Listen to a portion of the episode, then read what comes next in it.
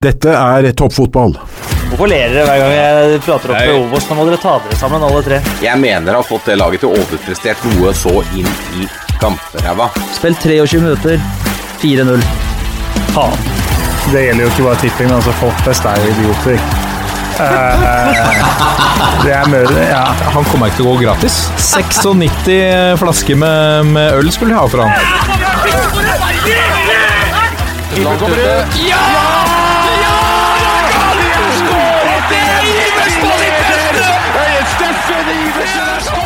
Og der er toppfotball eh, tilbake igjen. Det er en fryd å spille inn eh, episoder av denne podkasten som vi har drevet med siden 2016. Eh, vi holder det altså gående i offseason, men nå når sesongen er i gang Det kjøpes og selges spillere, det sparkes, eh, det sparkes både i ball og i spillere. Eh, rundene er i gang, og nå kommer de tett. Og det er litt av det Kanskje bonusen vi får ved at vi starter serien så seint, er at vi får nå kamper tett i tett. Vi slipper å vente lenge før neste match, for nå har vi jo pokker meg venta hele vinteren. Eh, Jørgen Kjernås, velkommen. Tusen takk for det. Det er, eh, nå er det fotball hver dag. eh, Det føles nesten som det. At det er deilig at det spres litt. Ja, det er jo nydelig. Vi klager absolutt ikke da. Så det er som du sier, nå kommer jo rundene. Det er jo mye midtukekamper. Og så får vi en liten EM-pause, så kommer kamper etterpå. Så det er helt, eh, helt fantastisk. Vi koser oss. I eh, dagens eh, sending skal vi eh, ta for oss selvfølgelig de siste seneste overgangene i Eliteserien, men vi skal vie store deler av denne episoden til vårt tabelltips på Obos-ligaen, og her har vi satt sammen en Hva heter det? Akkumulert modell, eller eh, Um, vi, vi har slått sammen tipsene i redaksjonen og kommet fram til et felles offisielt uh, toppfotballtips som vi gleder oss til. Jeg så at jeg tippet veldig forskjellig fra deg, Jørgen. Uh, så det blir interessant å ta en diskusjon om, diskusjon om det som jeg vet jeg kommer til å tape. Jeg tror jeg har tippa veldig forskjellig fra meg selv sjæl òg, jeg. Så det, nei, det er jo vanskelig å vite med noen av laget. Og så eh, sendte jo jeg deg en ukes tid før deadline day, tror jeg. Og så venta man jo litt på Altså noen, noen lag skjønner man jo at skal hente spillere, og noen lag tror man skal hente spillere, osv. Og, så og så er det jo ikke alle som stemmer helt sånn som, de, sånn som vi forventa. Så jeg har jo på en måte i tipset jeg har levert sjøl, som jeg har skrevet på jobb, så har jeg jo endra meg litt, da. Ja. Eh, men vi har vel kommet fram til en eh, moderat modell likevel. Nå kommer pulsen. Og da har vi kommet til pulsen, og vi begynner med de seneste overgangene i Eliteserien. Um, la meg, før vi kommer i gang uh, Jeg hadde jo en litt utblåsning i morgentimene i dag da jeg forberedte denne sendingen på denne interne chatten som vi har gående, uh, hvor vi sparer litt eh, info fram og tilbake. Eh, det var altså til morgen i dag helt umulig å finne noe sted på internett en oppdatert oversikt over alle overgangene fra norske eliteserien. Eh, Jeg var innom din arbeidsgiver, Jørgen Kjernås. Der var det ikke oppdatert. Nordic NordicBet. Selv ikke betting, bettingbransjen holder oss oppdatert her. Men det er Ja. Ja, det er litt på sida, tror jeg. Så det men jeg er enig. Ja. Men eh, er, det, er det for mye forlangt av meg som eh, Som, hva skal vi si I kraft av denne podkasten fotballjournalist, i kraft av eh, å være en, et, et vanlig menneske, en, en fan av norsk fotball når man har en rettighetshaver og en såkalt kommersiell samarbeidspartner i henholdsvis Eurosport og VG, og forvente at etter en deadline day at man får en oversikt over overgangene som har kommet. Dette har jeg sett nå, sikkert de tre siste overgangsvinduene, at det er ikke mulig å oppdrive. Eh, og overgang, altså overgangsoversiktene også fortløpe opp, fortløpende oppdateres svært sjeldent. Jeg mener, dette er Jeg ville forventet dette nivået på hyppighet av oppdateringer om det var sånn Post Nord-ligaen, kanskje. Dette er det ypperste vi har av, av, eh, av ligaspill i fotballen i Norge. Eh, og, så, finner vi ikke sånn informasjon. Det er helt utenkelig at det skulle forekomme i Premier League, f.eks. Uten sammenligning for øvrig. Eh, Så med all respekt for, for alle som jobber i både VG og Eurosport, gjør en fantastisk jobb med dette produktet. eh, Har løftet det på mange måter, men det er også en del ting som virkelig mangler, altså. Og det er veldig frustrerende til tider. Så jeg håper vi kan Det kan være mulig å få fulgt enda litt bedre med. Det er vel eh, de tjent, de som eier rettigheten også. Noen tanker om det, Jørgen? Ja, nei, jeg syns Eurosport har vært gode på å følge deadline day sånn i studio og sånn, men uh, klart i går så var det kamper, da, og da ser du vel kanskje litt at det er, det er ikke så mange på en måte som jobber i redaksjonen, for det var de samme folka som skulle følge deadline day rett etter å ha stått og på en måte dekka Brann Vålerenga like tidligere, like før. Uh, så det er klart ha, altså Det fins jo andre rettighetshavere rundt om, både i Norge og andre steder, som jo ville hatt på en måte mennesker til å gjøre de jobbene. At to forskjellige mennesker hadde gjort samme jobb, mens her så var det de samme. Så man ser vel kanskje at på en måte Eurosport sin norske redaksjon jo er ganske mye mindre enn NRK eller TV 2 eller eh, andre type sånne kanaler, da. Eh, uten, å liksom, uten forkleinelse for de som gjør jobben der, da. For det men øh, jeg er jo enig med deg. Jeg syns det er litt rart å, at ikke det dekkes mer skriftlig. Da jeg holdt på Det er litt sånn halvveis, liksom. Ja, da jeg holdt på med, med sportshjørnet for et par år siden, så merka jeg jo For da prøvde jeg å dekke det og akkurat det her. der. jeg så jo det var jo, det var jo en veldig liten side sånn ellers, men det var jo da Altså, det ville jo folk lese. Deadliner så kokte det jo. Det var jo på en måte da folk var innom og sjekka for å se om det skjedde noe. Og du kunne se at det var jo de samme, mye av de samme folka var liksom innom to eller tre eller sju eller 14 ganger på en måte for å sjekke om det hadde skjedd noe. Så en, jeg mener jo at hadde jeg jobba i en av de redaksjonene i Norge, om det er skriftlig eller hvor det er som eh, dekker det her tettere, så ville jeg jo prøvd å ha en sånn eh, løpende chat eller løpende oversikt gående gjennom hele dagen, og så legger du på en måte de bekrefta overgangene sånn eh, pinned i toppen, da. Og så kan du heller bla deg nedover eh, kronologisk, bortsett fra det. Så, så nei da. Jeg også syns det er litt merkelig at ikke noen så det potensialet, da. Altså, det, det er ikke bare liksom, Det er ikke sånn at vi sitter og sier at det skal være Eurosport. Jeg syns det er merkelig at det ikke på en måte Om det er VG eller Dagbladet eller Aftenposten eller Nettavisen eller eh, at om det er Ja, ikke sant. Det, jeg har sittet og sett på tall på det, og ser at det vil jo folk eh, inne og klikke på. Og da på en måte er jo det, har jo det vært fra en side som kun har på en måte hatt trafikk fra sosiale medier. Da. Så hvis du i tillegg eh, er f.eks. vg.no, som jo har halve Norge innom hver dag, da, så ville veldig mange trykka sin og sjekka den saken. Det er jeg 100 sikker på.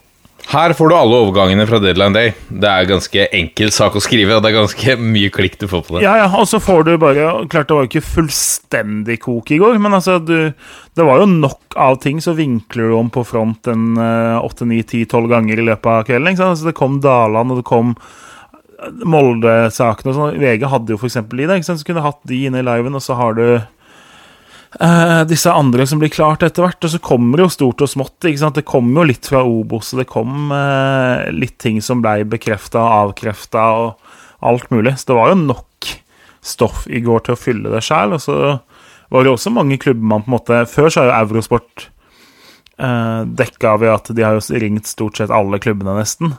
I går så var det jo mange klubber som vi ikke hørte fra der, fordi eh, sendinga var kortere, og det, det var kamp eh, og dekning av kamp fram til halv elleve. Så det var jo på en måte, jeg er helt sikker på at du hadde fått eh, fått flere klubber på en måte på tråden hvis, eh, hvis det hadde sittet to mann og jobba med det i som sagt, VG eller Nettavisen eller Dagbladet eller hvor det skulle vært. den. Yes. Så, Ja. så, så for min del er det ikke kritikk. For min del er jeg tenker det er som tidligere, tidligere journalist så tenker jeg jo at det er på en måte en misbrukt mulighet, på en måte, da. Eh, Sånn sett. På en sak som er veldig enkel å følge gjennom en kveldsvakt, og som gir deg veldig mye trafikk, da. Ja. Nei, absolutt. Um, vi uh, går i gang, da.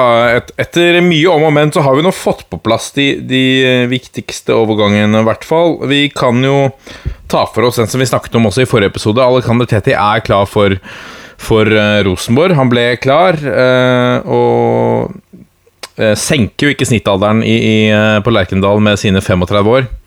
Det dekket vi også i forrige episode, at det er jo en litt sånn betenkelig overgangsstrategi. Hva skjer nå f.eks. med Edvard Tagseth, som jeg så Mini Jacobsen var ute og kommenterte litt også. Um, du har noen der som havner ganske mye lenger bak i køen, fordi tilnærmet fotballpensjonister skal inn og, og sparke. Ja da, men det, altså, vi kritiserte jo Rosenborg grundig sist, på en måte, så vi trenger jo ikke ta Ja. det igjen. Men det er Nei. klart det er jo vanskelig isolert sett å si nei til Tetti når han vil hjem og vil avslutte der og alt klart. sånn. Og så hører det jo med til saken at for det første så kommer han vel ikke på over en måned ennå. Men jeg mener jeg leste noe at han sa slutten av juni, eller et eller annet. At han skulle, jeg vet ikke hva han skulle det tar, Han har sannsynligvis veldig stort hus i England, så det tar lang tid å gjøre flyttevasken eller et eller annet sånt noe. Men Og også hører du også med at man har jo den her nasjonale utlånsordningen hvor spillere som er aktuelle for U-landslag, kan lånes ut utenfor de ordinære vinduene. Eh, så apropos Tagseth, det er jo veldig trolig da Nå er Siljan på full fart tilbake i spillet, kanskje allerede i helgen. Eh, Konradsen er litt mer usikker på, men Tetty er tilbake. De har eh, Dekninga begynner å bli bra. Så når, når Tetty kommer, så er det for trangt for at Tagseth får noe særlig spilletid der, hvis alle er skadefrie. Da kan han sendes ut på lån en måned eller to eller tre, og det er ganske mange klubber i Eliteserien hvor Edvard Tagseth hadde gått rett inn på laget. Eh, og da, Du trenger ikke gå på en måte altså, Du kunne gått til Mjøndalen og Godset og Sandefjord, som er på en måte de tre alle har tippa i bunn. Men du kan også se eksempel på at Haugesund hadde hatt kjempebehov for Edvard uh, Tagseth inn på laget. Tromsø har jo henta halve Danmark nå, men det er jo spillere man er veldig usikre på, så det er ikke noe umulighet til at de heller kunne vært på tråden hvis, hvis de får et signal om det. Eh, selv hos Odd så, kunne det fint vært plass til Tagseth, eh, at han kunne gått inn og gjort en rolle. Så, og Kristiansund, selv om de har mange, så ser jo de ut til å være litt i trøbbel. Så jeg tror halve eliteseriene hadde vært interessert i å låne Edvard Tagseth eh, i juli og august, hvis det dukker opp som en mulighet, og det kan fort skje. Ja.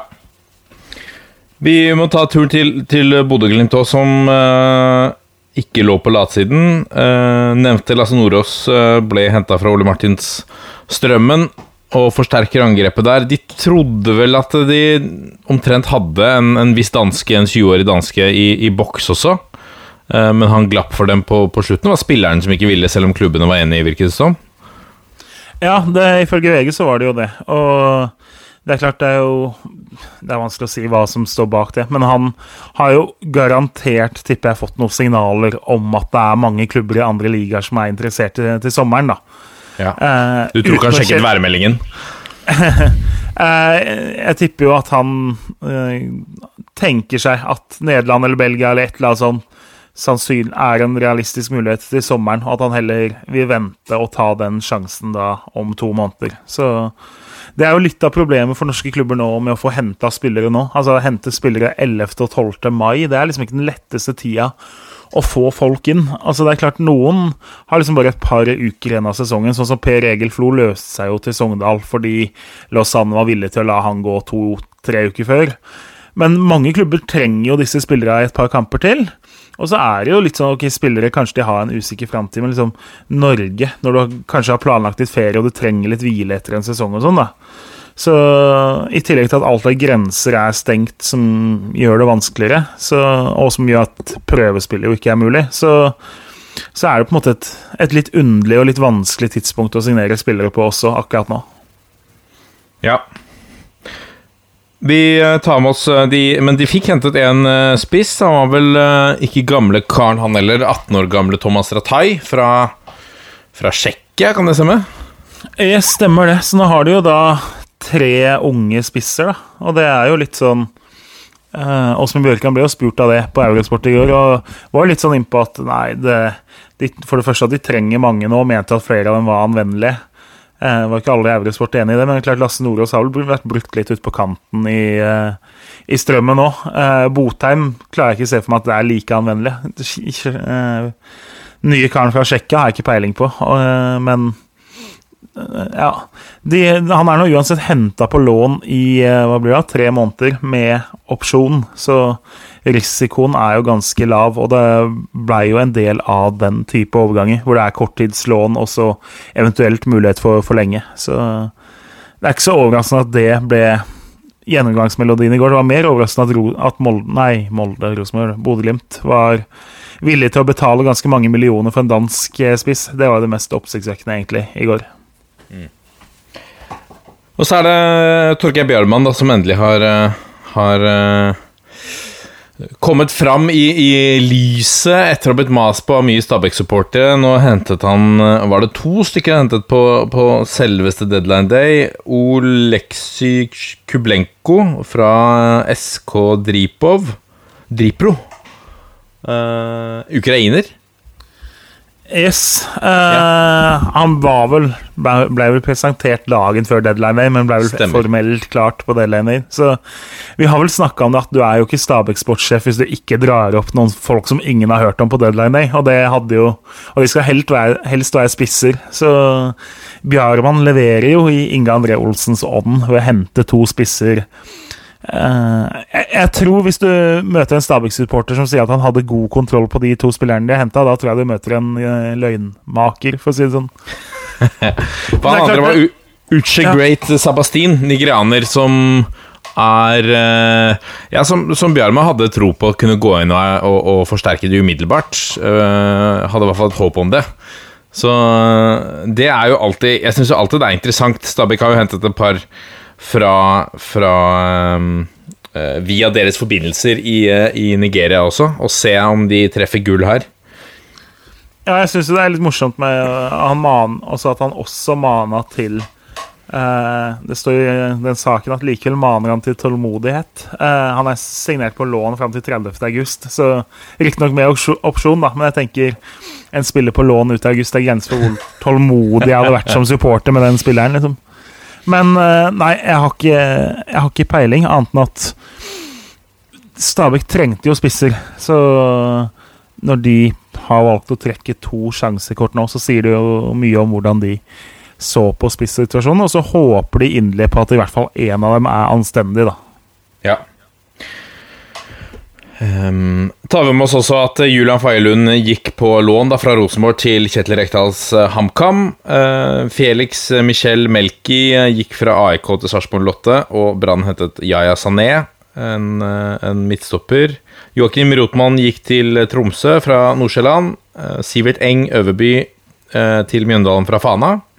Og Sebastian Sebulonsen da, eh, til Mjøndalen fra Viking etter å ha signert ny ny, var det en ny treårskontrakt i, i uh, Viking eller noe sånt, før han uh, dro til Mjøndalen på lån for å få spilletid.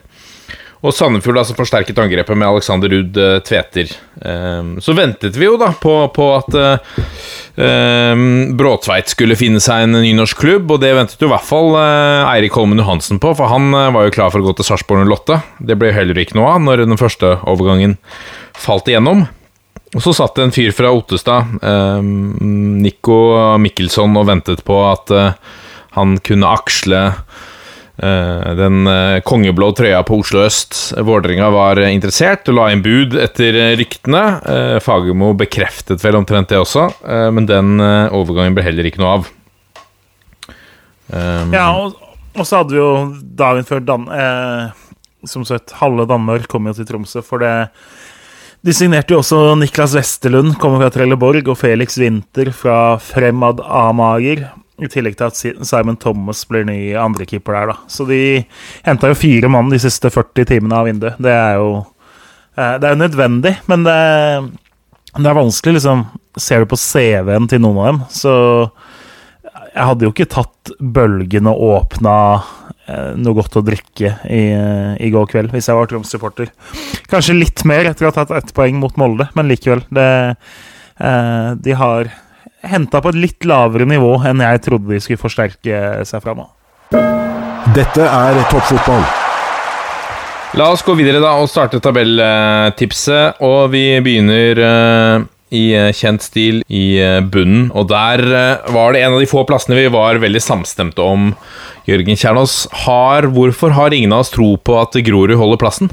Åh, det er jo litt vondt da, å sitte og tippe Grorud ned som Grorud-øl selv, men eh, jeg tror jo eh, på Altså, fotballens tyngdekraft kommer jo til å ta Grorud etter hvert, tror jeg. Nå er de eh, De er tredje størst i Oslo, som er imponerende nok, men de hadde jo en vårsesong, nei, en høstsesong, en siste halvdel i fjor, som tyda på nedrykk. Eh, de er en av de minste klubbene. De er den klubben som har kortest historie med å være så høyt oppe. De har bytta trener. De har Mista tre mann i forsvarsrekka, de har ikke forsterka seg nevneverdig ellers. Så eh, de har bytta trener. Eirik Kjøne hadde voldsom suksess, nå er han ute i tillegg. Eh, det er litt ungt og lett og eh, Ikke fordi at Grorud er et dårlig lag, eller noe sånt, men det, noen havner jo sist. Altså Ett av de 16 lagene her havner jo sist. Og forutsetningene for Grorud og kanskje det andre laget som vi har tippa på nedrykksplass, er litt dårligere når det kommer til historikk og budsjetter og tradisjon og alle de tinga der. Og så har jo ikke det så mye å si for én enkeltsesong hvis du klarer å stable sammen en god eh, tropp med spillere. Det er jo mulig å treffe veldig Grorud har jo truffet veldig bra, men det er liksom eh, Ja, nei, jeg er ikke helt, jeg er ikke helt solgt. Og så i treningskamper så har det rent inn mye baklengsmål i ganske mange av kampene. Og de, de spiller jo ganske ambisiøst, og det er jo mye av det de gjør som er veldig lett å la seg begeistre over. Men sånn defensivt jeg tror, jeg tror de kommer til å slippe inn veldig mye mål hvis de spiller sånn som jeg har sett dem i treningskampene, og jeg tror ikke de kommer til å gå på så mye kompromisser der heller. Uh, så det, det, kommer til å renne inn mye mål der. Opprykkslagene er litt bedre enn de to lagene som kom, gikk ned, så det blir tøffere å berge seg i år. Det krever enda mer.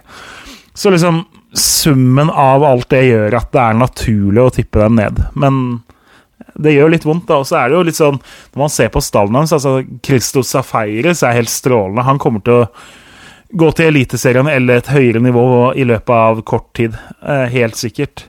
Martin Høiland har vi jo latt eh, vår elsk på noen av, så han var jo aktuell for Tromsø nå. Er jo en veldig god spiller. Oskar Aga fikk det ordentlig bra til i fjor. Skåret vel 16 mål da for Grorud i fjor. Eh, Fabian Ness er en venstrevekk som han har hatt to alvorlige kneskader, så hvis ikke han hadde hatt de, så hadde han vært i Eliteserien for lengst. Så Eh, det er på en måte Det er mange som kommer til å spille høyere opp og bli veldig gode spillere av de Grorud har, men summen i 2021 gjør dessverre at de er en av de klareste nedrykkskandidatene.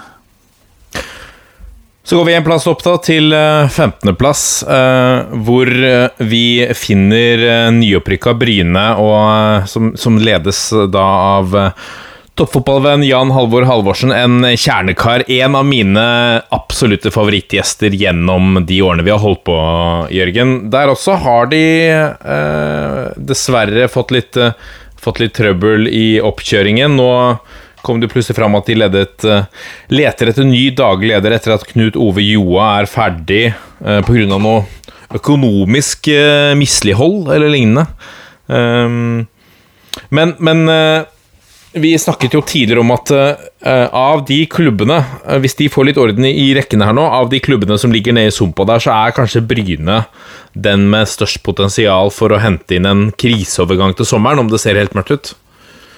Ja, da forskutterte jo jeg eh, litt, for jeg trodde jo vi hadde et annet lag der. Men vi, det var noen som hadde voldsom tro på Stjørdals-Benk, som gjorde at de ikke var der. Eh, men nei, altså Bryne fungerte jo veldig bra i fjor og vant vel ti av ti hjemmekamper. Så, eh, men så har de jo ikke forsterka seg i det hele tatt egentlig i, i løpet av vinteren. De har henta to-tre mann som går inn på en måte som går inn på benken. Elveren er nøyaktig den samme som de stilte med i fjor, og det fungerte jo godt da. Men det er litt mange av de spillerne som er sånn at jeg eh, tenker at det jeg håper å si, Godt i annendivisjon. Det er ikke nødvendigvis sånn at du jeg tar det nivået med deg ett hakk opp. da Og det er, det er litt den feelinga jeg har på en del av de spillerne Bryne går til seriestart med nå. Så det, det, er naturlig å tippe dem i bunnen, syns jeg. Selv om, som vi har vært inne på, som du sa nå, det, det er jo et potensial i klubben da som går utapå en del av de andre lagene. Jeg, jeg mener jo at hvis, hvis, du sier at Bryne og Strømmen og Grorud og Stjørdalsblink er de fire som ligger nederst til sommeren, da, så er det jo ikke noe tvil om hvem som du kan forvente at kan slå til litt på overgangsmarkedet, og kan hente fra en hylle hvor de tre andre ikke har sjans økonomisk. Bryne har nok litt med på en måte, samarbeidspartnere som kan gjøre ting mulig da, tror jeg. Så der ligger jo litt håpet. Jeg er ganske sikker på at de kommer til å forsterke det laget i løpet av uh, overgangsvinduet i august. Ja, og så har de, så må vi jo nevne noe, altså Joakim Holtan blir jo kjempespennende å se på det nivået yes. her. Nå har han jo pøst inn mål i tredjedivisjon, og så i annendivisjon i fjor. Han er jo en sånn spiller som lukter mål. Han er jo god både feilvendt og rettvendt, og kjempegod avslutter. Mangler jo litt ekstremferdigheter utenom det, men altså har det derre goalgetter-genet som er vanskelig å Vanskelig å trene opp, men som, eh, som bare har dukka opp eh, i ham. Ja. Så går vi en plass opp på, på 14.-plass. Der havna Stjørdalsblink. Eh, Det kan hende at det er undertegnede som har litt troa på Stjørdalsblink i år, som har gjort at de, de karret seg opp en plass. Ja, der tenker jeg jo du For det, når jeg titta innom tipset, var det tolvte du satte dem på? Stemmer. Da, Stemmer. jo, da er jeg jo interessert i å høre hvorfor, hvorfor det. Ikke, ikke at det ikke er mulig, men det, det kommer jo til å være høyere enn omtrent alle andre, tipper dem. Ja, nå har de jo hentet eh, Altså, de fikk jo inn eh, Han nye treneren, hva heter han igjen? Eh, som de Tom, hentet fra Tom Glimt. Bent. Yes.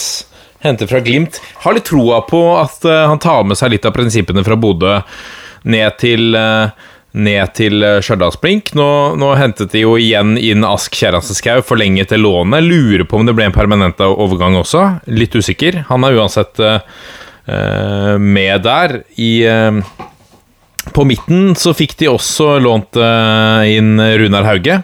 Så du, du får liksom en bra Bodø-Glimt-presence i hvert fall på midten og i deler av angrepet.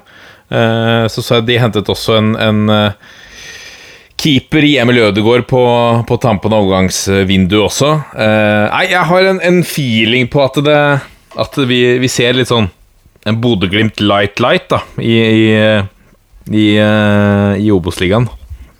Ja, det syns jeg jo er vågalt. Og så er jo jeg, jeg er jo enig altså Emil Ødegaard er jo en bra keeper. og Er jo en av de beste keeperne i landet når det kommer til det offensive. Altså igangsetting og være god med beina og alle de tinga der. Men så mista de jo Niklas Frendrup til Ranheim. Det er derfor de henta Emil. Så eh, og Frendrup var jo en av hovedårsakene til at de berga plassen i fjor. Og Ja. det samme var jo definitivt Sander Kartum, som har gått til Kristiansund. da. Så og så er jo de, altså Det er akkurat det samme med dem som for Grorud. De starta veldig fint i, går, i fjor, og så ble det mye mye tyngre i siste halvdel. Og da rant målene inn, og seierne satt veldig langt inne. Så, og så er det litt samme, der hvor du møter heltidsspillere i ganske mange av klubbene, så er jo da Det er studenter, og det er snekkere, og det er andre ting på eh, som møter deg isteden når du kommer til Stjørdal. Og da Det er jo litt sånn at det var jo et par spillere som eh, i fjor nesten ikke var med på en del av bortekampene i midtuken og sånn, fordi eh, det var litt Altså, hovedjobben deres eh, måtte prioriteres, og da var det ikke mulig å på en måte komme seg fri og være med på bortekampene, blant annet, da, for noen. Så Eh, ikke, ikke at det var noen sånn gjenganger, men altså, det var vel eh, Hvis jeg ikke husker feil, så hadde vel altså, det var en stund hvor man mangla noen som ikke var med på alt. Og du har Mats Lilleboe er vel snekker på heltid, så vidt jeg vet. Som er toppskårer og kanskje den viktigste spilleren deres uh, denne sesongen her. Uh, det er tungt å stå og snekre fra sju til tre, og så skal du rett opp på stadion og spille Obos-kamp klokka seks. Og så møter du en gjeng med heltidsproffer som har med seg egen massør. Da, det, er liksom, det er jo to ulike verdener i Obos-ligaen som møtes, og da over 30 kamper så gir det noen prosent forskjell, eh, de tingene der. Ja, for et bilde det er. Eh, se han eh, stå og snekre mens eh, noen av de andre fullproffene i HamKam eller Ranheim sitter hjemme og spiller PlayStation før de Det er jo ikke så mye proffer i Ranheim heller, for vidt, men Nei, det eh, er sant. det er sant for så vidt. Eh, la oss gå videre da til 13.-plass, uh, Ullkisa. Um, er jo et lag som vi tidligere har vært vant til å se eh, langt eh, høyere opp på tabellen. Nå har de slitt de to siste sesongene, eh, eller i hvert fall eh, i, i fjor. Hvorfor har vi ikke Ullkisa lenger opp på tabellen, Jørgen? Eh, nei, eh, jeg hadde de hakket høyere, vil jeg jo si da. Men Ullkise er jo et av de mest sånn interessante lagene denne sesongen. her, fordi nå har Trond Fredriksen måttet gå. De har henta inn Sindre Kjelmeland som assistent, som jo Nei, som hovedtrener, som var assistent i Åsane de to siste sesongene, og som har fått masse ros for den jobben han har gjort i Åsane, og som da prøver å innføre noe av de samme prinsippene i Ullkisa. Så Ullkisa, som var litt ullent taktisk i fjor, hvis det går an å si det sånn, eh, skal nå prøve å bli mye mer likt Åsane. Og da Det er jo veldig interessant å se hvordan det går. Så kommer de til å få en litt tung start. De har hatt en måned med treningsfri når nesten alle de andre klubbene har fått lov til å trene som fullt pga. koronarestriksjoner. Det kommer til et utslag tidlig i sesongen, tror jeg. Så de på en måte starter med et lite handikap i de første rundene. Men så har jo Kjellemeland nå Han har jo henta mange spillere som passer til hans stil. Altså, de har Steffen Jensen og Morten Sundli fra før, som er to eh, sånn ruvende stoppere. Men eh, han har henta Jens Husebø, som er en mye mer spillende stopper som har vært veldig god i andredivisjon. Passer mye mer etter måten han vil spille fotball på. Sondre Sørløk fra Ranheim er en spiller jeg trodde skulle løsne litt for Eliteserien, men som har stagnert litt der. Men som har veldig mye uforløst i seg. Uh, de har hentet Robert Williams på lån, som er en OK back. Uh, Henning Tønsberg Andresen fra Skeid, som har en veldig bra dødballfot, har kommet inn. Uh, og så har de jo da fortsatt Elias Solberg enn så lenge, som jeg har rykta til Juventus og andre sånne småklubber uh, isteden. Så altså 2004-modell og allerede god i Obos-ligaen. Han er jo veldig, veldig, veldig spennende, og nå beholder de den jo i hvert fall noen måneder til. Stian Ringstad, litt skadeproblemer før han kom i fjor, er nå eh, mye bedre der, så eh, Men så er det litt sånn De tinga som var problemet til Ullkisa i fjor, er jo fortsatt ikke borte. De hadde vel ingen som skårte mer enn seks mål, hvis jeg husker riktig, og en del av de som skårte fem og seks mål, er borte nå. Så nevnte Sørløk, som jo egentlig er indreløper, ser jo ut som han skal spille spiss nå, fordi de har egentlig ikke noen gode og klare spissalternativer i det hele tatt. De slapp inn helt vanvittig mye mål sist sesong, og det er jo eh, mye av det samme fundamentet som skal forsvare seg nå. Da. Det er jo mange av de samme spillerne som har sluppet inn 63 mål osv., som skal forsøke å få ned antallet betraktelig nå. Så jeg tror at Kjelmeland og Ullkisa blir veldig bra, men jeg er ikke sikker på om han får det til i 2021. Det er litt sånn samme på en måte som Steffen Landro og, eh, og Sandnes Ulf, som jeg tror kan bli bra, men som i fjor så var det ett år for tidlig, og det var for store omveltninger, og han overtok en stall som ikke var hans, osv. Så, videre. så jeg tror litt det samme for Kjelmeland nå, men jeg tror jo de skal styre unna det aller verste bunnstriden, jeg, da. Ja. Eh, det blir spennende å se. Vi går videre til uh, plass nummer tolv. Nå skulle vi gjerne hatt med Ole Martin her, selvfølgelig. Uh, der var det toppfotballplikter som, som meldte seg. De var litt aktive også, de mot overgangsvinduets slutt. Signerte bl.a. Jibril Boyang. Hva får de i den omreisende norsk-gambiske fotballnomaden, Jørgen? Eh, de får en av seriens definitivt hurtigste spillere. Eh, Bojang er jo ekstremt kjapp, og så har han jo spilt mye kant før. da Nå blir det jo spissplass, og han skal erstatte Nordås. Så du, du får en spiller med ekstremferdigheter, men du får jo også en spiller som er omtrent så ulik han han skal erstatte som mulig, da. Eh, så det blir jo interessant å se der, men det en fotballtrener i en liten klubb som Strømmen. Vi kjenner jo Ole Martin som pragmatisk nok til at har du Lasse Nordås på topp, så spiller du og forsøker å spille på en helt annen måte enn hvis du har Jibril Bojang på topp. Fordi eh, Ja. Det, det, sier seg selv. Når du har dag og natt eh, som spillertyper, så må du legge om. Og det blir jo interessant å se, det òg. Men så tror jeg jo jeg tror jo tolvteplass er snilt likevel med Strømmen. Det er ikke bare Nora som er borte. Morten Bjørlo og Hassan Kuruchai gikk jo til HamKam. Eh, Kurusai sin fot veldig viktig i det offensive spillet i fjor. Fått inn Simen Olafsen, som er en duellspiller og en god stopper, men igjen en helt annen type enn den han erstatter, da. Så vet vi at Ole Martin har jo rost William Michaelsen, som de har henta fra nettopp HamKam, da. Men det er klart han er tidligere back og spilte veldig lite i HamKam i fjor, så forvente at han skal erstatte Bjørlo fullt ut. Det er tøft å forvente det. Uh, og så er det jo samme for altså Strømmen Økonomien har jo aldri vært bra der, og uh, så har du vel, som mange andre, slitt litt under korona nå også, med uh, at økonomien ikke, blir jo ikke noe bedre av det, akkurat. Så De trengte jo egentlig en overgang. De trengte jo å selge Las Noras, de, rett og slett.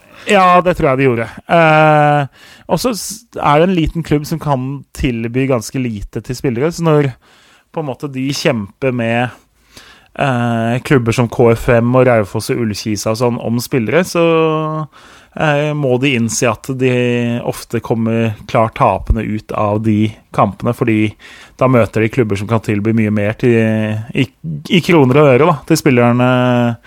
Så de må liksom De må ta andresortering etter hvert. De må vente liksom til mange av de andre klubbene har henta de mest at- attraktive, og så må de gå på neste runde og heller hente der. Men uh, uh, mye rutine i sentrallinja har jo vært gode på å hente. Det er ikke bare Lasse Nordås de har vært gode på å hente og en måte utvikle videre. Torje Naustdal ser jo veldig spennende ut på midten, f.eks. Så har de jo da Kalaku og Chaib på kantene, som eh, Chaib var jo den spilleren jeg digga mest i 2. divisjon 2019, og Kalaku var en av de jeg digga mest i fjorårets 2. divisjon. Så eh, Ole Martin har tydeligvis samme smak for kantspillere som jeg har da når det kommer til 2. divisjon. Og det er jo på en måte spillere som mange har sett på, som liksom akkurat har tvilt seg vekk fra. Og så tar Strømmen sjansen. Altså, det er jo en grunn til at de havner i Strømmen og ikke andre større klubber. Det er jo mange som har vært usikre på dem, selv om de har vært kjempegode i andre divisjon. Strømmen har på en måte ikke råd til å takke nei, sånn som en del andre klubber har gjort dem likevel. De må ta sjansen på de spillerne. og Chaib var OK i fjor og bør kunne bli enda bedre i, i år. Og så er Kalaku spennende. Ja. Vi må rase videre til eh, de som eh, møter Strømmen da i første seriekamp 15. mai, og det er Raufoss. Og der har det vært litt sånn tumulter også i oppkjøringen til sesongen, med noen treningskamper som ikke ble meldt osv. Har de holdt seg i skinnet fram til seriestart, Jørgen? Ja, de har jo spilt mye treningskamper etter det òg. De har jo de har fått bra selvtillit av å slå Det er vel er 4-1 og 5-1 de slo HamKam, men da HamKam har stilt veldig svekka i begge kampene fordi HamKam har hatt kamp liksom tre dager før og fire dager etter og sånn. Så du må ikke la deg lure bare av resultatene der. Men eh, det mest interessante med Raufoss er jo at nesten hele stallen er jo ny. De hadde veldig mange på utgående kontrakter. De har sendt veldig mange av gårde til bedre klubber. Lasse Berg Johnsen ble jo cupmester i Danmark i dag. Solomon Novello har de sendt uh, opp til Eliteserien. Uh, de har sendt uh, Mathias Belli Mollskred til start. Emil Breivik har gått tilbake til Molde. Filip Brattbakk er på lån i Ranheim isteden. Kristoffer Nessø har gått til Sogndal, osv. Så, videre. så fra fjorårets elver så er det egentlig bare tre mann som er igjen i en elver nå. Og av de tre så er jo da Marius Alm, den høyreiste midtstopperen, er jo på utgående kontrakt. Så det er nesten bare liksom sånn at Ole Kristian Lauvli, som er Obos-ligaens kanskje beste målvakt, er, eller i hvert fall én av de tre beste, er omtrent eneste som har noe særlig fartstid igjen. Og så har de henta masse ungt. De har henta ungt fra eh, egentlig overalt. Fra, altså, fra storklubber som Kongsvinger, Vålerenga, Rosenborg og Molde har de henta unge spillere som da skal gå inn og prestere. De har jo vært veldig gode til det i noen år nå. Nå er det jo Jeg tror de har henta såpass bra at de lander på beina, men uh, det er mange samtidig, så liksom å kopiere fjorårets sjetteplass skal bli ekstremt vanskelig. Og jeg tror, eh, tror mange av de unge på en måte trenger tid til å venne seg til nivået. Det er en del av de som har spilt lite eller ingenting på dette nivået tidligere.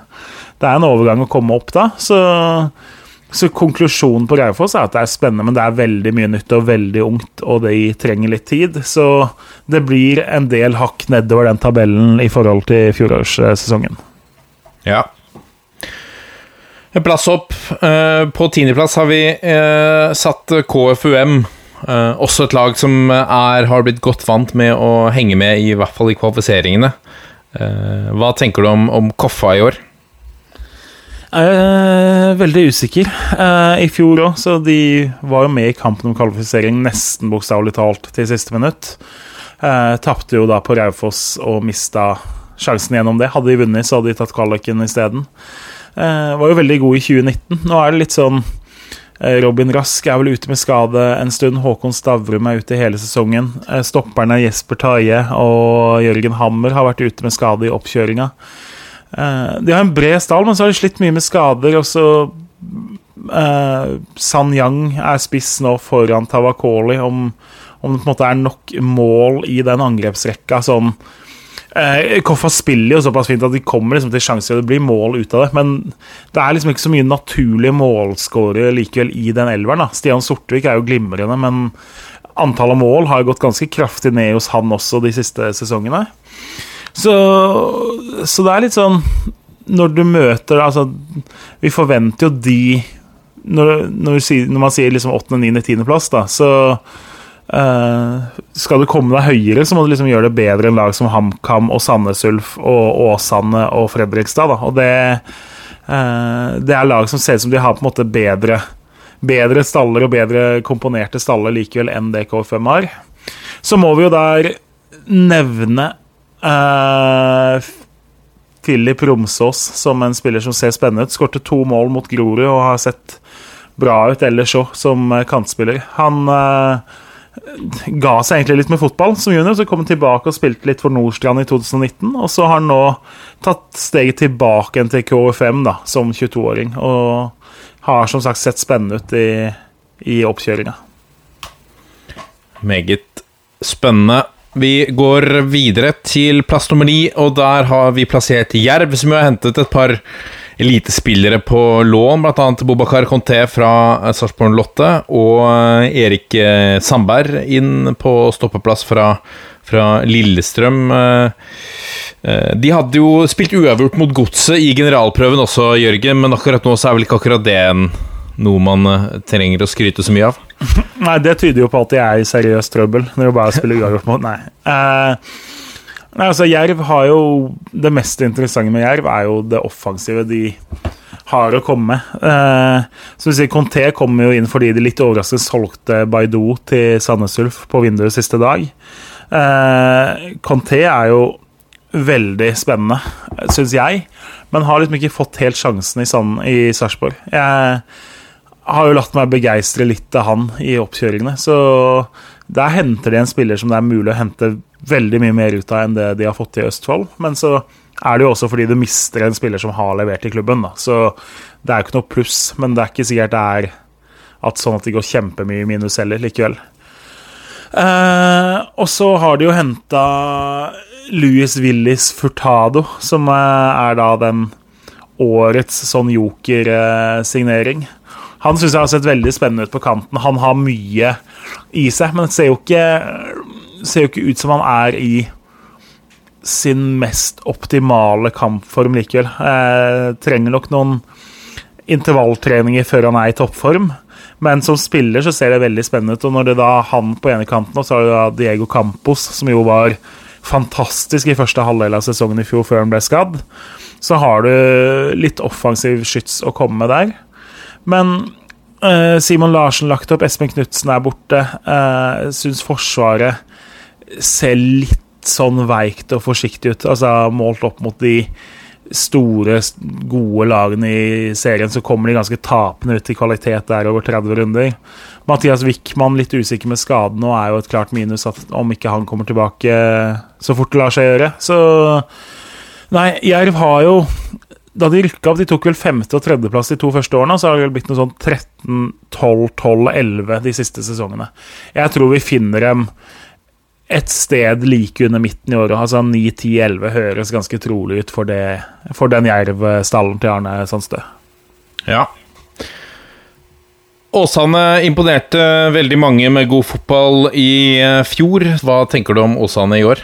Altså, du vet jo hva du får av Åsane. Og da de slo Brann 1-0 her, så var det vel 66 pasninger de hadde før skåringa. Eh, De er jo så ekstreme at jeg er ganske sikker på at Drillo får noe sånn eksem av å se fotballkampene deres, nesten. Det Men det funker. De har jo hatt enorm suksess. De har rykka opp, og de tok kvalifiseringsplass i fjor med det. Og har fått fra masse bra spillere som har Altså, de har jo tre mann som spiller i forsvarsrekka til Brann nå, som jo har fått gjennombruddet sitt i Åsane. Henrik Udal har gått til Vålerenga.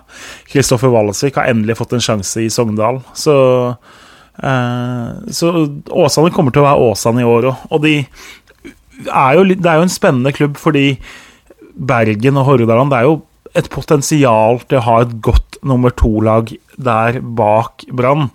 Og Åsane med mye store junioravdelinger og nå et nytt anlegg og på en måte et Øygarden som er litt nede for telling, sånn at den, den plassen som Bergens og Hordalands nummer to, den er liksom Vær så god, kom og ta den til dem.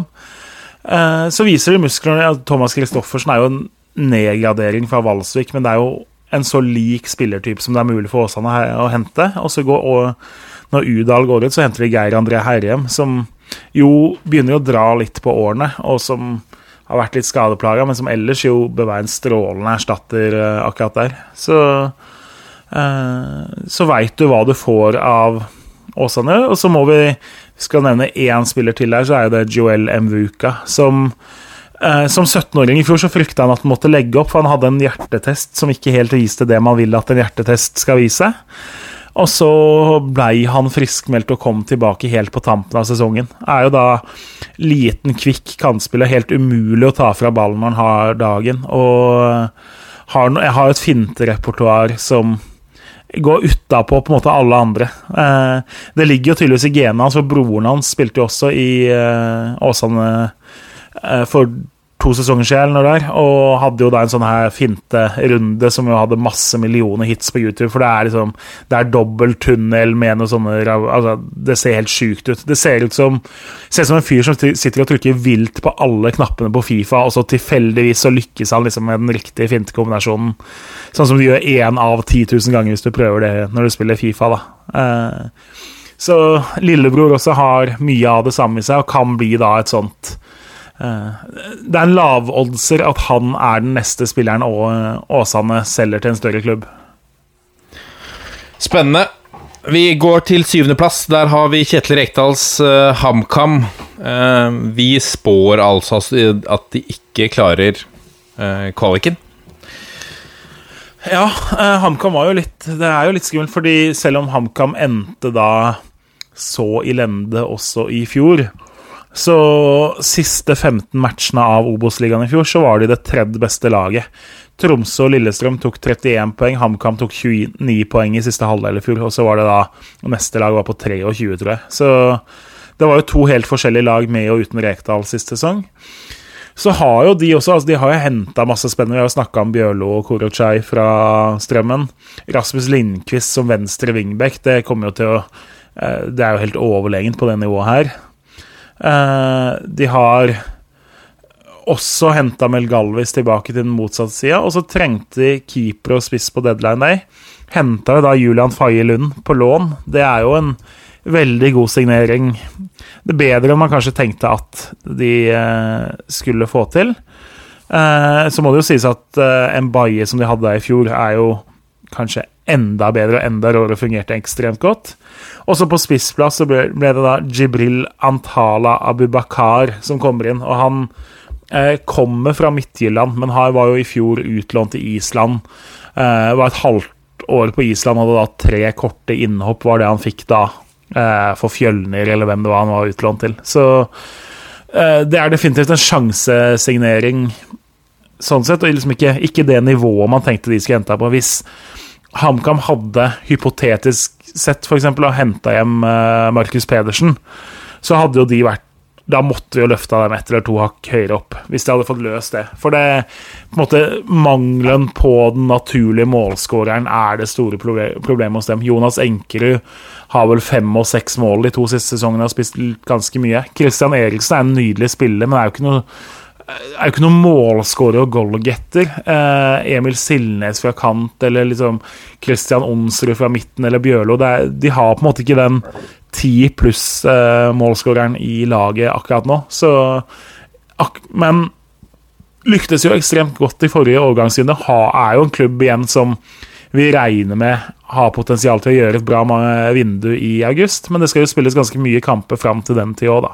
Eh, Vetle Skjærvik har vi jo snakka om allerede fra før, ja. Eh, de har jo et par spennende andre. 2005-modellen Benjamin Farås snakka vi jo så vidt om her for noen uker siden, som jo dessverre er skada nå, men som ellers hadde fått spilletid for dem. Så et veldig godt lag, egentlig et bra lag, et topp seks-lag, bortsett fra at de mangler da den her ordentlige, gode spissen, rett og slett. Det er det som skiller dem fra eh, to-tre av de lagene vi har tippa like over dem. Ja. Vi går videre til Sogndal, som har hentet hjem Per Egil Flo fra Lausanne. Ehm, vi tipper at de akkurat klarer kvalifisering. Går Sogndal mot en brukbar sesong? Ja, jeg ble litt overrasket over at jeg hadde klart å sette dem så langt ned sjøl. Jeg vet ikke helt hvordan, jeg fikk til det. Jeg tror de kommer høyere enn det, da. Eh, altså, Flo innenfor Totland er jo en strålende signering. Det største problemet deres er jo at Sivert Mannsverk nå er ute i et par måneder med skade, og så kan han fort bli solgt, så det kan hende han har veldig få minutter igjen for dem. I tillegg så er jo da nysignerte Kristoffer Walasvik også skadd nå, så liksom det som er seriens overlegent beste sentrale midtbane, og en fantastisk midtbane på det nivået her, det, den er ikke sikkert vi får se sammen i det hele tatt, nesten. Eh, beholdt Daniel Eid, som jo var fantastisk som høyre wingback i fjor, hadde 11 målpoeng. Henta da nevnte Mbaye på lån som keeper, som jo var så god for HamKam i fjor. Uh, Henta Guey fra Koffa som erstatter for Ogbu, som de solgte til LSK. Mye av samme spillertype, kanskje ikke like god, et lite hakk ned likevel. Men ellers beholdt mye av stallen. De òg trenger jo en spiss som skårer. De er jo så heldige at Kristoffer Hoven skåret jo 17 mål i fjor. Han er jo egentlig spiss, men spilte jo mye til venstre. Men Accord Jerome Adams har jo vært mer eller mindre skada og spilt lite de siste sesongene. Er jo kjempetalent, men det hjelper jo ikke å være lovende hvis du bruker all tiden på å være skada. Endre Kypen, eh, en annen toppfotballkjenning, eh, starta 23 kamper og skårte fire mål i fjor. Mangler jo, mangler jo det som gjorde han så rå for et par sesonger siden. Så jeg tror jo Sogndal er en opprykkskandidat, men så er jeg da usikker. Midtbanen, får vi se dem sammen?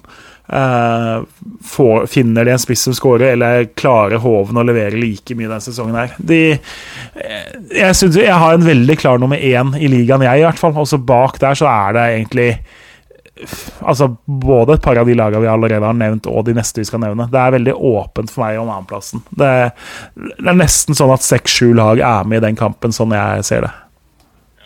Og, ja. og jeg er litt overraska over at vi endte med dem under et par av de andre, det må jeg si. Det, men eh, det var delvis min skyld, så jeg skal ikke klage på andre der. Og så har Bjørn Bommen Johansen gjort sitt beste for å snakke ned forventningene til eget lag, men det er klart, når Fredrikstad er tilbake på neste øverste nivå, så ligger vel også forventningene i eh, plankebyen at de skal blande seg inn i, i tetstriden. Vi har de på femteplass. Tror du at eh, Altså, Er det et av de lagene du, du mener kan være med å lukte på den eh, direkte opprykksplassen? Jeg ser jo på tipset ditt at du definitivt mener det, i hvert fall. Eh, men, Skulle men ikke vi ha konfidensi- konfidensi- konfidensialitet? Skulle vi det, altså? Eh, ja, ja. Eh, det glemte jeg. Men eh, nei, altså, de var jo endelig så gode i andredivisjon som det mange av oss har ment de burde ha vært i et par år, år allerede. Og Tror du ikke de fort kan gjøre en kanonsesong av, hvis de altså fort starter sesongen kjempebra, og så har de masse entusiasme, og så plusser de på med et par signeringer i sommer bare for å sikre det? jo, og så hadde altså, De hadde jo egentlig et Obos-ligalag i fjor, og så har de bare oppgradert litt. Altså Alexander Betten Hansen har jo spilt mye for Mjøndalen de to siste sesongene. Er jo en oppgradering på Erebekk. Olav Øby inn på midten er jo også en oppgradering, selv om den trioen de hadde der i fjor, fungerte kjempebra sammen. Eh, og Tafek Ishmael, som ser fantastisk ut som kantspiller, er jo også en forsterkning, selv om de har andre fullgode kandidater til å ta den plassen òg. Så det er på en måte det er få ut og få inn. Det fungerte så bra i fjor. De har jo Altså, Nikolai Solberg er jo en klassespiller på det nivået her. Thomas Drage på indreløperplass i fjor var jo kjempeklasse. Henrik eh, Kjelsrud Johansen kommer til å skåre masse mål. Lindstrøm dypt balanserer laget perfekt for dem. Eh, så jeg er litt usikker på en måte om Forsvaret står seg så bra i Obos som man kanskje håper. Eh, selv om både Nilsen og eh, mange av de andre de har bak deg, og keeper Håvard Jensen er gode spillere, så tror jeg ikke de De er på et høyere nivå nå, og det er liksom Du ville ikke bytta Fredrikstad-forsvaret mot eh, tre-fire-fem av de andre lagene, da. Sånn som Så på en måte de, de er ikke suverene og er ikke noe sånn De skal ikke gå rett opp, men at det laget er godt nok til at de skal henge med i toppen, det er jeg helt sikker på. Og så eh, blir det jo spennende å se hvordan de går for å være en seiersmaskin og møte liksom? Du møter Senja og Fløya, nå skal du møte Ålesund og Sogndal isteden. Så selv om de har vært fantastiske i treningskampene, så er det noe annet når det spilles om poeng der også. Eh, men, men at Fredrikstad blir bra, det er jeg helt sikker på. Men det, det er noe av det dummeste du kan gjøre i norsk fotball. Å være sikker på at Fredrikstad skal gjøre det bra. Det er sant. Eh, Er du sikker på at de i Kristiansand er sikre på at de kommer til å gjøre det bra? Vi har de på en fjerdeplass. Start denne drømmen, da. Nei, det er jeg ikke sikker på i det hele tatt. Det Start er et av de lagene jeg er mest spent på. Fordi nå solgte jo Jesper Daland, og det å gå, gå til seriestart med Vega Bergan og Joakim Jørgensen som stoppepar, det ville jeg ikke følt meg veldig sikker på. Og hvis du ser Hvis du sammenligner f.eks. med Altså si Sandnes Ulf og eh, Ranheim, da, så har jo Hvis du skulle spilt da Du hadde ikke fått lov til å starte med dine elleve beste spillere, hvis du skulle spilt på spiller nummer tolv og nedover i stallen, så hadde det startlaget fått ganske brutal juling av eh, veldig mange av de andre topplagene. Det er ikke i tvil om. De, de har henta Peder Reinarsen og Emil Pedersen, som er sørlendinger, men som har, ikke sant? det er ikke noe Obos-ligakvalitet de har henta der.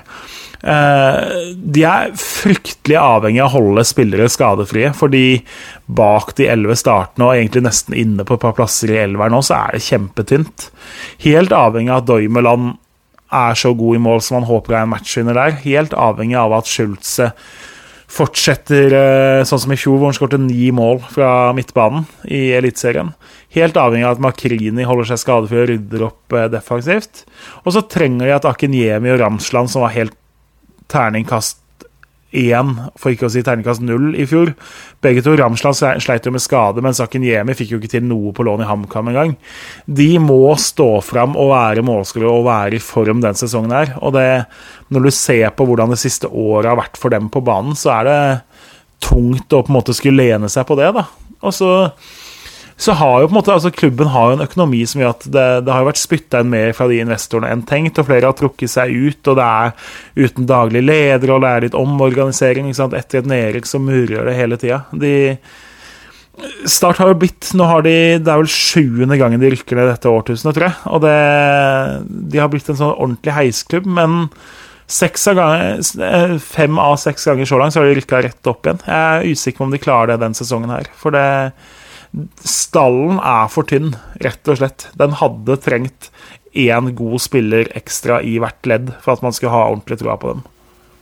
Ja, så tar vi eh, bronseplassen. Der har vi plassert eh, Ranheim og Frank Lidahl. Vi har ikke glemt Ranheim, selv om man eh, trodde at vi ikke trodde de kom til å komme på topp ti her ved en forsnakkelse i forrige sending. Vi har dere på, på tredjeplass. Hva tenker du om Ranheim i årets sesong, Jørgen? Jeg tenker jo at uh, de er litt sånn Hva er det man sier hvis man skal skrifte i kirken? Er det 'tilgi meg, Fader, for jeg har syndet'? Er det noe sånt noe? Eh, for det er klart en klubb som nesten konsekvent henter trøndere, og så har de da gått hen, og nå har de vel henta fire ikke-trøndere. Det er jo det er jo ja, det er ikke lenger Norges uh, Athletic Bilbao vi har med å gjøre, dessverre. Litt flåsete, men likevel de, Det viser jo også litt at de på en måte opprykk er tross alt viktigere enn at alle snakker kav trøndersk og spiser sodd uh, hver gang det er bryllup. Så eh, ikke sant? Når de selger da Ole Sæter til Rosenborg, så titter de i det trønderske markedet og sier at det er Ok, Mats Lilleboe har vi prøvd, det funka ikke, han jobber som snekker. Det er ingen i Byåsen eller Nardo eller Levanger som eh, kan komme inn og erstatte Ole Sæter. Da blir det Markus Menert som kommer inn. De ser at de trenger på en måte en ekstra god spiller offensivt. De ser igjen, det er ikke noen Nardo-spillere som kan gå inn og utgjøre en forskjell for oss. Det er ingen på Orkla det er ingen på Tiller som kan gjøre den jobben. Simon Marklund vil bort fra Kongsvinger, og Kongsvinger vil selge han. Han har masse spennende. Da henter de han. Eh, de har to trønderske keepere, og så blir en av de skada. Da henter de først Jonathan Johansson fra Stjørdalsblink på korttidskontrakt, og så skjønner de at kanskje vi skal Niklas Fremdrup er mulig å få. Da henter vi han fra samme klubb. Så det er, det er fire utlendinger da, i trønderske øyne. Men uh, Ranheim lå jo an til opprykk veldig lenge sist sesong, og så hadde de en voldsom formdupp på slutten av sesongen. De, de tok noe, altså tolv poeng på tolv siste kamper, eller et eller annet sånt. Det, de var et nedrykkslag siste 40% av sesongen. Etter å ha vært det da De leda med fem poeng ned til tredjeplassen før det. Og så er det jo litt sånn Kvande og Rismark og Reginiussen og de gutta her som har vært med på det veldig lenge, da. Jeg er litt spent på liksom om de har nok vilje til å tyne ut liksom de to ekstra prosentene da, som gjør at de kan bli nummer to istedenfor å bli nummer fem. Det er jo så jevnt at eh, det skiller så lite mellom de beste på det nivået her. Så er jeg jo litt skeptisk hvis du ser det de gjør på banen. Erik Tønne hadde vel 25 målpoeng i fjor, er nå flytta ned på venstre bekk igjen. Eh, det, det, gir mening sånn troppsmessig fordi de er mye tynnere i forsvar eh, og har mange alternativer på kantene. Men likevel, å fjerne en fyr som hadde 25 målpoeng fra kanten, det høres jo ut som eh, dumdristig, i beste fall. Så jeg tror Ranheim blir bra, men uh, om de er liksom et definitivt opprykkslag, det gjenstår jo å se. Og det, de viser jo litt når de i de to siste treningskampene slår Rosenborg og så taper mot Stjørdalsblink. Da er det ikke lett å sette dem et sted på formkartet heller. Nei. Så tar vi eh, de to opprykksplassene, da. Vi begynner med andreplassen Sandnes Ulf. Uh, såpass tro har vi altså at uh, dette kan være året hvor vi ser de tilbake i det gjeveste selskap. Altså, ja, vi har visst det. Det er klart, jeg, Hvis jeg leverte inn mitt tips før Grødem gikk til Molde, da Så selv om Baidu er et så godt alternativ som det er mulig å hente inn, så mister de sine to desidert beste spillere i år, i, før sesongen. Magnus Grødem og Kent Ove Eriksen har gått ut og gått til Eliteserien. Det er blytungt å erstatte. Men så har de jo henta bra òg. Nå har jo Steffen Landro fått hente sin helt egen forsvarslinje. Han har beholdt da Jonsson og Hammer Berger, som ser bra ut. Og så har han henta da Heggem, som har vært god i Ranheim. Han har henta Jørgen Olsen Øverås tilbake eh, etter å ha vært i Eliteserien. Han har henta Fredrik Pålerud, som har vært bra for Kongsvinger lenge. Ståle Stålinjo Sætra har han henta. Eh, så går det jo hen og henter nevnte Baidu, og de henta tilbake Horenius Tadese på deadline day. Så de uh, Og tidligere så har de jo da henta både Mathias Bringaker og Erlend Hustad, som veldig mange klubber i Obos-ligaen var interessert i. Uh, så de har jo på en måte landa et bra spisspar. Og så har de jo da han er Maxwell Effiom, som var mye skadd sist sesong, som har sett veldig spennende ut i oppkjøringa, som kan få et gjennombrudd der. I tillegg til Effiom så mangla det jo Jostein Ekeland og Ingvald Halgenseth i fjor. De Ekeland spilte vel åtte-ni kamper, tror jeg det var. Eh, Halgenseth var vel ikke på banen i det hele tatt. Eh, det er to topp Obos-ligaspillere, så de har på en måte eh, fått tilbake tre mann som kan bli veldig gode, da, som nesten ikke bidro i det hele tatt i fjor pga. skader. Eh, så midtbaneleddet er ekstremt fylt av veldig mange spillere. Eh, og, men de, de, er jo avhengig av at Hustad og Bringaker leverer. Det er jo 30 mål nesten som er borte i de to gutta som er sendt til Molde og til LSK. Så det er likevel store sko å fylle. Men Steffen Landro har jo de ambisjonene, og de går hardt ut. Så jeg, jeg mener at Sandnes Ulf skal være et av de lagene som kjemper om den plassen. Og så er jo det et lag det har vært vanskelig å stole på de siste sesongene. For det har vært mye underprestering veldig lenge. Og nå med korona og alt, så har de jo ikke fått full effekt av at de har en ny stadion som sto klar i fjor heller. De har liksom ikke fått den, noen effekt av det i det hele tatt, egentlig. Så, så nei, ett av veldig mange lag som kan ende oppi der. Og så har vi førsteplassen av Lars Arne Nilsen. Eh, vi tror også at det lykkes på første forsøk. Eh, der var vi vel samstemte alle, at Ålesund er et hakk bedre enn lagene under og tar førsteplassen. Altså, jo mer jeg, Klart, nå tapte jo generalprøven mot Åsane og var ikke veldig god der, så det er eh, det er kanskje skummelt å være liksom kjempeoverbevist av dem likevel, men jo mer du ser på den stallen, jo mer du ser på en del av de tinga de har gjort, og sånn, så skal de være best. De, de har jo mista noen spillere etter eh, nedrykket, naturlig nok. Men når du tar elleve poeng i Eliteserien, så er det jo ikke helt dumt med en liten omgruppering heller, da. Og jeg henter jo da David Fellmann, som kommer til å bli en klassestopper, bare Sjøfartsdirektoratet tillater at han kommer inn i landet. Eh, beholder da Bolkan Nordli, beholder Castro. Eh, henter da Ødemarksbakken er for så vidt en OK signering. De Eh, henter Kallevåg, som er en veldig bra signering. Erlend Segberg kommer fra start. Det er en litt oppsiktsvekkende signering, eller overgang, men han ville prøve noe nytt. Men eh, likevel. Eh, de Henta også Kvint Jansen, så det er bra dekning på stoppeplass etter hvert. Eh, Syns jo de har det desidert beste offensive skytset i ligaen. Jeg tror de kommer til å skåre mye mål, og de har nå med fem bytter De kan egentlig bytte hele angrepsrekka og begge indreløperne etter 60 minutter, og så ha uthvilte spillere som er nesten like gode eh, å sette inn. Det er det jo ingen andre som kan eh, på det nivået her. Så det tror jeg blir avgjørende for dem. Men eh, Nei, altså, de har jo ikke overbevist sånn fullstendig heller i oppkjøringa, så det, det er vanskelig å liksom ha 1000% troa på dem. Men de har den beste stallen, har det beste grunnlaget. Eh, Lars Arne Nilsen er god på det her, osv. Så, videre. så Ålesund er for meg den soleklare favoritten. Jeg blir veldig overraska hvis ikke de rykker opp. Meget spennende. Det er altså vårt offisielle tips. Du finner det på våre sosiale medier. Har du et råtips da til, til uh, toppskårer, Jørgen? Uh, jeg har satt pengene mine på Markus Menert, jeg, på Ranheim. Riktig. Det, litt fordi jeg tror Uh, jeg tror det kommer til jeg tror, Sogndal har ikke noen kandidat. Jeg har ikke tro på de gutta i start. Uh, HamKam har ingen.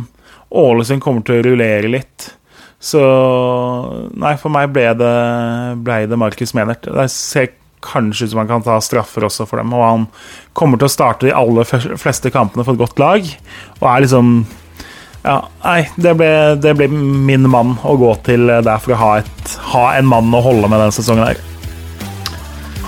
Spennende. Vi gleder oss. Obos-ligaen er altså rett rundt hjørnet. Um, sparkes i gang nå til helga. Og nå venter vi spenning også på at de øvrige ligaene litt lenger nedover skal uh, med tid og stunder åpne. Post Nord nærmest uh, der. Um, vi er Toppfotball på Facebook, Twitter og Instagram. Send oss gjerne mail også på toppfotball at 451.no. Så må vi avslutte på sedvanligvis, Jørgen. 1, 2, 3. Vi er, Vi er en gjeng. Ha det. Ha det.